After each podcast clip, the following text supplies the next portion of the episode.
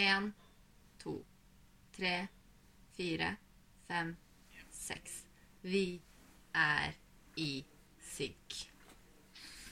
Det er liksom litt slitsomt når du skal starte en podkast igjen, og så må du liksom du må lære deg å telle ned på nytt fordi det er så lenge siden sist. Det er sånn Var det på tre, eller var det etter tre? Åh, nei, nå surra det skikkelig til igjen med alle tidsfrister og, og planer du har lagd. Og det blir verre og verre å skulle spille inn denne episoden, fordi nå er det så lenge siden vi leste det første partiet. Og Du sitter her, ja. Vær så snill. Og um, Ja, men det er det vi mener. Det er så mye hindringer. Må du sitte her? Nei, så En ting er at det er veldig lenge siden vi har lest mye av det. En annen ting er at jeg føler meg helt ute av det, så jeg bare gruer meg skikkelig til å spille inn episoden. Ja. Hele internett vet vel sånn cirka hvor lenge jeg sto fast på side 230 something. Det var tre hele uker, det, på to sider. Vi har vel begge hatt det litt sånn hver for oss et par runder. Hadde det litt senere enn deg.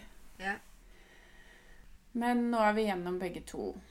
Og det var verdt det. Altså, det er liksom Uten å bruke for mange av de Prosts-metaforene som vi skal snakke om senere i dag, det er litt sånn medisinfeeling på mye av det leste, for det er jæklig hardt. Eller, eller trening. Du må liksom komme i gang, og når du først kommer i gang, så er det ikke så gærent. Men den dørstokkmila med å åpne opp disse permene er jo noen ganger helt horrible.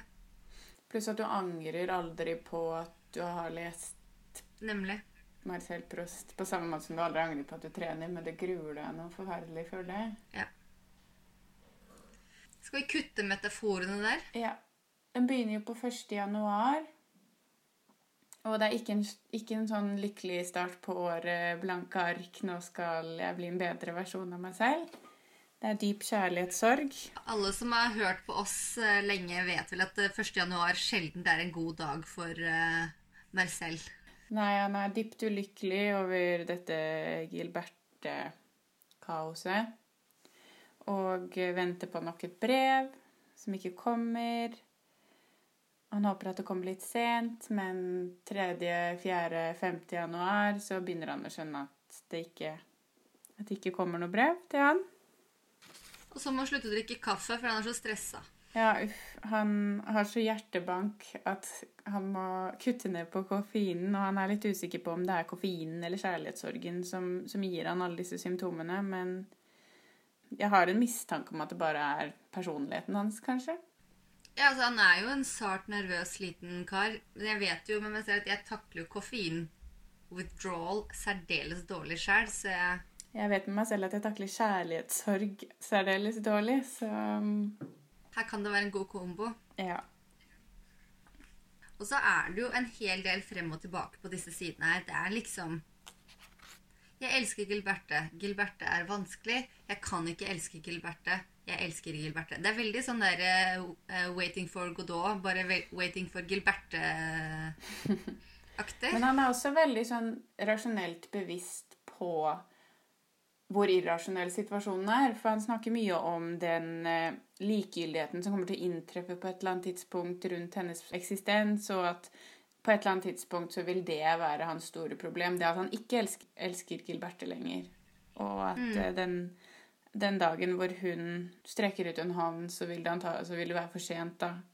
Ja, Så det er en veldig sånn selvransakelsesdel, da, hvor han eh, jo er superirrasjonell og umoden, men også vet det litt selv, på en måte. Han arresterer jo også seg selv om mange av de måtene han har snakket om Gilberte på tidligere. Blant annet på side 205 så snakker han jo om at det er da han først poengterer selv at den Gilberte jeg har elsket, kanskje ikke har eksistert, og den Gilberte jeg har snakket til, har kanskje ikke verken hørt den intensjonen jeg har lagt i det, eller hatt den intensjonen jeg så i henne fra mitt perspektiv.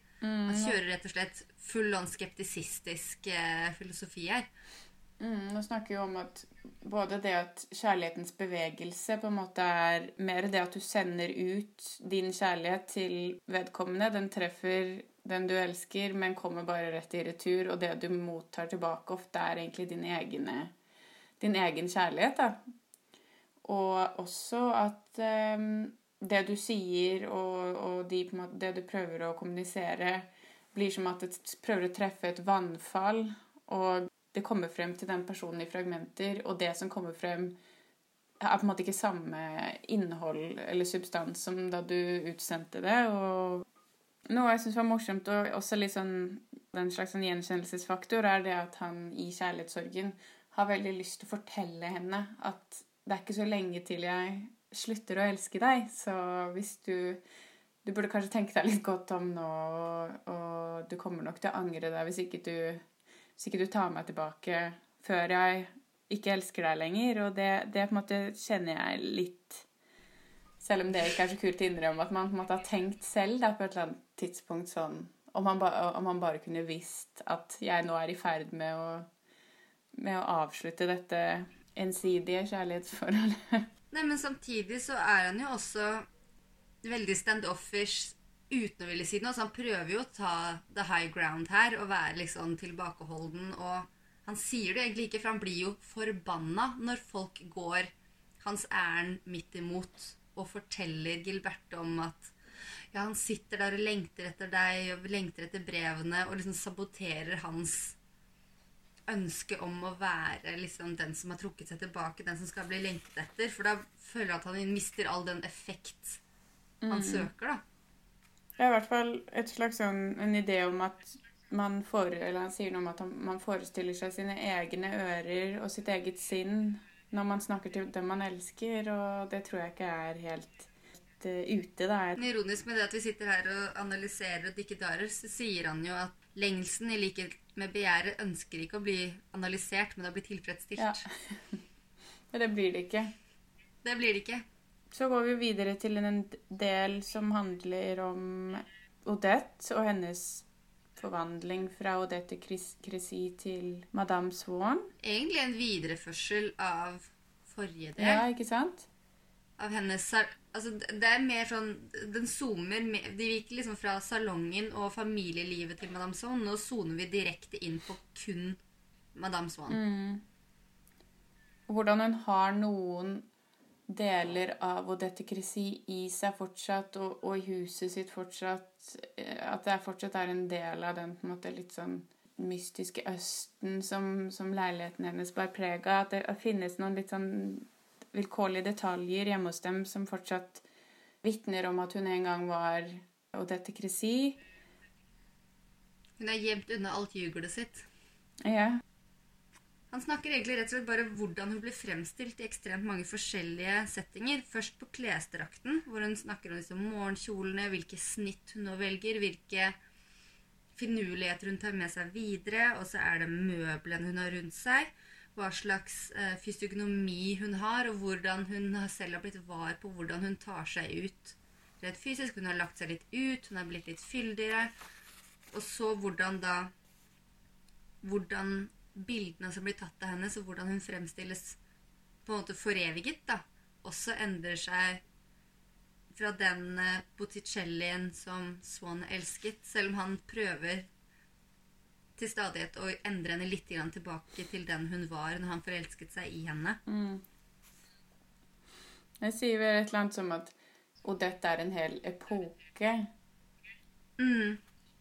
Hvis hun kunne holde denne stilen bare en liten stund til, ville unge mennesker som forsøkte å forstå klesmotene, erklære Madame Swan. Det er en hel epoke, ikke sant? Som i en utsøkt litterær stil som lar forskjellige former spille opp mot hverandre, og som henter sin styrke i en underliggende tradisjon, kunne disse vage minner om vester og spenner, av og til også en antydning av innsvinget jakkerygg eller løst flagrende hattebånd, gi et konkret uttrykk til denne underliggende likhet med andre og eldre former, som ingen sydame eller skredder kunne ha funnet på å lage, men som man stadig måtte tenke på, og som hyllet Madame Swann inn i noe fornemt. Kanskje fordi det unyttige ved all denne prakt gjorde at den syntes å tjene en hensikt som gikk ut over den nyttebetonte. Kanskje fordi den bevarte minnet om forgangene år. Eller også fordi den uttrykte en slags individuell klesstil som gjaldt bare denne kvinnen, og ga hennes mest forskjellige antrekk den samme familielikhet. Man følte at hun ikke bare kledde seg for sin kropps velbefinnende eller pryd, men at hun var omsluttet av sin påkledning som en, av en hel sivilisasjons forfinede og åndeliggjorte apparat. Jeg føler at én ting er at Madame Swan med dette altså, på en måte Han justifies hvorfor han elsker henne så høyt, hva som er særegent med henne. Men det er jo også litt for å distansere seg fra Gilberte og hvordan hun er i sammenligning med moren, som er erketypen. Fordi at i hele den sekvensen her, som er resten av det vi skal lese frem til Balbec, som jeg tenker man egentlig bare kan oppsummere ganske kort, egentlig, handler det jo om bare å gå frem og tilbake mellom Sånn er Gilberte som jeg elsket. Sånn er moren. Sånn er Gilberte. Sånn er moren. Sånn er Gilberte. Sånn er moren. Men det har jo alltid virket litt som om han liker Madame Sohn bedre enn Gilberte. Ja, absolutt. Hun har jo bare vært taken. Mm. Han selger i hvert fall denne vasen til Leonie, da. Og får eh, mer penger enn han hadde trodd for det. For å kunne drukne Gilberte i roser og syriner. Det eneste problemet er at Gilberte har truffet en annen gutt. Ja. Og det er jo en, en, en blemme, kan man si, hans, fordi det Han sier jeg hadde opplevd det motsatte av det som så ofte skjer. Vi ønsker oss en eller annen glede, og det som mangler, er den materielle muligheten til å komme i besittelse av den. Det er trist å elske noen uten å ha stor formue. For endelig, nå som man har eh, penger, så er det Har ingen å bruke dem på. Nei, nå er det helt andre problemstillinger. Hva gjør han da? Han søker trøst hos horer, gjør han ikke det? Mm. Gikk for å gråte ut min sorg i armene på kvinner jeg ikke elsket. Og han har jo penger til det også nå, heldigvis. Så det, det han gjør Vet du hva? Han selger vasen til Leonie, og så bruker han de på horer. Mm. Han er så skamløs Han som hadde så problemer med den sofaen. i det horehuset. Fordi det Ja. Men du vet at han ligger ikke med dem her. Han bare gråter i armene deres. Men det er i hvert fall der han skjønner at nå er det slutt. Kan vi snakke litt om viet nå? Om vi skal snakke litt om vien? Ik nei, viet. Det, han snakker alltid i et vi. Å ja, sånn, ja. Ja, det har vi jo Vi kan snakke om vi nå, men jeg har utrolig lite å komme med på Nå var jeg litt sånn uh, Jeg husker ikke helt hva slags relevans det har. Uh, så jeg måtte bare spille litt med. Vin, ja. Nei, altså, det har vi snakket så vidt litt om på telefonen tidligere, at han ofte sier sånn 'Dette skal vi forklare dere senere', eller 'dette' Og da kan Skal vi få se. Ja, men det er jo på en måte vi og han. Men han sier også litt sånn Mm. 'Dette skal vi Altså, sånn, Det virker ofte som han slår sammen fortellerprost og og, og jeg, personprost, i denne delen. Ja, mer enn, i, mer enn tidligere. Mm. Men ja, kanskje også vi som i fellesskapet, vi som leser, og han som forteller, og han som Ja, lever. Og et tredje er jo at han tydelig mener at den som leser, er en mann. Mm. Leseren er ikke kvinne. Når det du leser Når han skriver om ehm, Vi har alle grått over forskjellige ting, men vi har aldri brydd oss med mange kvinner fordi det har vært kvinner vi ikke har elsket. Mm. Så går han ofte ut fra at det er et mannlig publikum. Syns du det egentlig går litt ut fra det han skriver sånn til vanlig? At det er myntet på et mannlig publikum? Jeg vet ikke, fordi det finnes jo den teorien om at man kan bytte at eh, boka er skrevet sånn at man kan bytte om på alle kjønns eh, Altså alt, alle kjønn som er tildelt, da. Så kunne man jo sagt at, man, at altså, da ville boka vært skrevet for kvinner. Vi har gitt at man hadde endret hele boka. Ja. ja eller gitt at, det er, gitt at den er skrevet som at Ja. man skal kunne gjøre det, da. Ja, jeg tenker både ja og nei, fordi med unntak av Marcel og Monsieur Swan, så syns jeg jo at ganske mange av mennene portretteres Altså selv om vi Jeg tror det var i sånn type andre episode så snakket vi om at han har ganske kule kvinneportretter. At han har liksom ganske dybdefulle, mangefasetterte kvinnekarakterer. selv allerede da. Men jeg syns jo fortsatt at det er ganske tydelige kjønnsrollebeskrivelser. Ikke bare i hvilke roller og aktiviteter kvinner foretar seg, men også typ mannlig blikk. Menn eh, fokuseres på fysiognomi, ansiktet, kvinner på kroppens eleganse. Menn på hva Hvor kraftfulle de er. Kvinner på hvor eh, emosjonelle de er, eller sladrete de er. Altså, det er en del sånne småforskjeller hele veien som jeg vet ikke om hadde vært like lett å bare bytte om på pronomene for å ordne opp i. Mm. Og det er heller ikke veldig mange onde menn, men det er tydelig innslag av at kvinner ikke er så innmari hyggelige hele tida. Og man, og man prater vel sjelden om menn i blomst. Ja, nei, det er jo egentlig bare litt om vi-et, men selv om vi kanskje ikke kan snakke, di eller, snakke direkte om menn i blomst, så er det jo helt tydelig at i slutten av den delen her, før den går over til Balbec, så er det en tydelig utsoning og et sted hvor Expley snakker om Madame Swan som blomstrer. Mm. Og det er kanskje noe av det litt mer interessante igjen, fordi at Madame Swan er jo ikke utpreget ung lenger. Altså Hun har en tenåringsdatter. Men hun blomstrer nå. Altså, jeg tenkte jo i skyggen av piker i blomst måtte være litt sånn jenter i puberteten, på en måte. Mens mm. dette her er på en måte kvinnen i, i en alder hvor man kanskje ikke tenker at det er helt naturlig å blomstre, da. Mm. Ja. Plutselig, som en deilig blomst som ikke åpner seg før midt på dagen, kom Madame Swan til syne på den gruslagte alleen, rolig, bedagelig og skjønn, overdådig, omgitt av et antrekk som aldri var det samme, men som jeg særlig husker som lilla.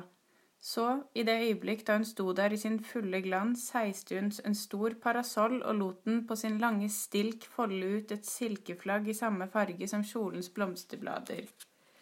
Og selv på sin lilla parasoll, som hun ofte ennå holdt lukket når hun kom til syne, senket hun av og til, som på en bukett parmafioler, et blikk som var så lykkelig og, og mildt, og når det ikke lenger var festet på hennes venner, men på en livløs gjenstand, så hennes øyne ut som de fremdeles smilte. Det poengterer jo kanskje noe Det at han sier 'midt på dagen'. Altså Det er jo blomstring på solens høyde, ikke sant? Og midt på dagen, midt i livet, sier han egentlig at mennesker er vakrest når det de er rolig, bedagelig og skjønn. Det er jo ikke akkurat karakteristikker man gjerne omtaler prepubertal slash pubertal hormonell ungdom med. Rolig. Men det der midt på dagen, tror jeg også Altså, han avslutter jo veldig fint denne delen med akkurat det, fordi dette er et slags Altså, det den timen mellom tolv og ett er på en måte deres time, da. Det er da de går denne Mm. turen sammen. Og kanskje også litt den derre eh, Bygge litt opp til det vi skal snakke litt om nå i Balbec-delen. Det der med fragmentert tid, og hvordan, han måte, hvordan du kan leve i den timen mellom tolv og ett i minnene på en måte senere, da. Tiden så sjeldent for han fungerer kronologisk. Mm.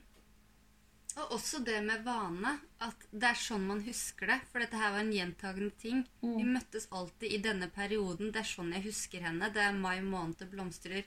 Hun er der og ser på solen. Altså, det er jo Men likevel så er det jo vanen som som sløver de sterkeste minnene òg. Han har et lite parti senere i Valbec hvor han snakker om de minnene som du har glemt, er de sterkeste, og de, de som du kan på en måte gjenleve på nytt. da. Men akkurat i Madame Sons tilfelle så tror jeg det er forsterkende. Altså det at han sier 'jeg husker den som lilla' om klesdrakten hennes. Altså for det, her har repetisjonen av minnet forsterket og slipt bildet Mm. istedenfor å sløve det ned. Og en annen ting som er litt gøy med den sekvensen her, da, er jo at den er en slags speiling, men med en viss dreining igjen da, av den delen Når han snakker om forfallet av Paris, ti- den lineære tiden i Paris. Mm. Når han sier at åh, det var så vakkert den tiden vi gikk rundt i Bourgogne-skogen, og dette og dette skjedde helt i slutten av for, forrige bind. Mens her er det jo totalt sirkulært. Altså Han snakker om solen som går rundt, solurer som går, parasollen som er rund Altså klokken og tiden er veldig sånn sirkulær, og hun er på en måte eviggjort i det, da. Mm. Så han viser jo også den, det perspektivet på tid. Mm. Og, og han forskjønner denne tiden. Han forskjønner det evige mer enn det som forfaller. Så med det kan vi jo gå videre til Falbeck, kanskje.